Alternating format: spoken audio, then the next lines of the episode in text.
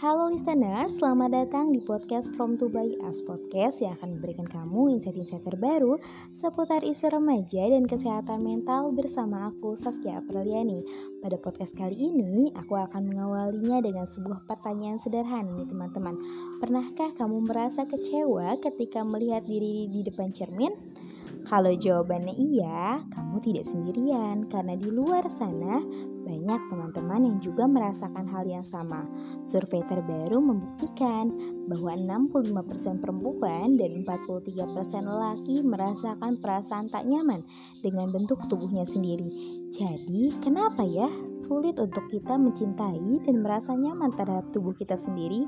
Dan ini adalah topik yang akan aku bahas pada podcast kali ini, body image.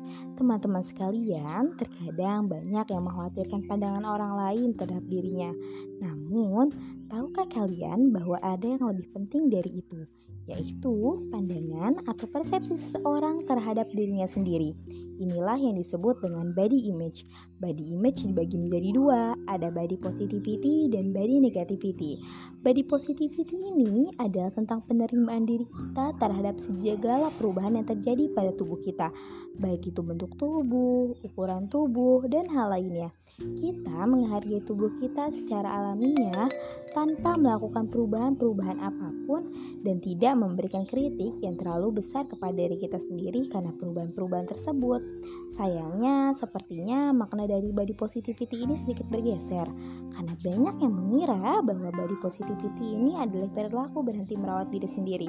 Padahal sebenarnya makna dari body positivity ini adalah untuk mencintai diri sendiri tanpa memberikan kritik yang bersifat destruktif yang nantinya memicu gangguan terhadap kesehatan mental kita.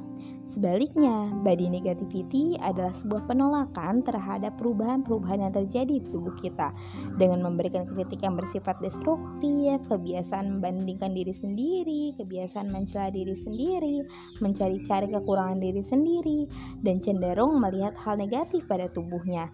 Seolah-olah sudah tertanam bahwa kritik-kritik ini akan memotivasi untuk berubah menjadi baik. Sayangnya, pola pikir seperti ini bisa mempengaruhi aspek dalam kehidupan kita.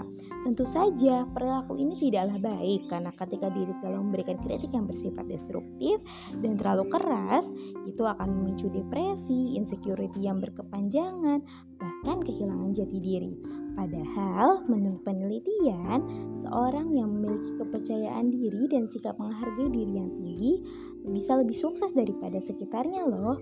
Jadi, mari mencintai diri sendiri dan berusaha menghilangkan perilaku body shaming dengan cara berpikir superficial yang hanya melihat seorang dari fisiknya saja.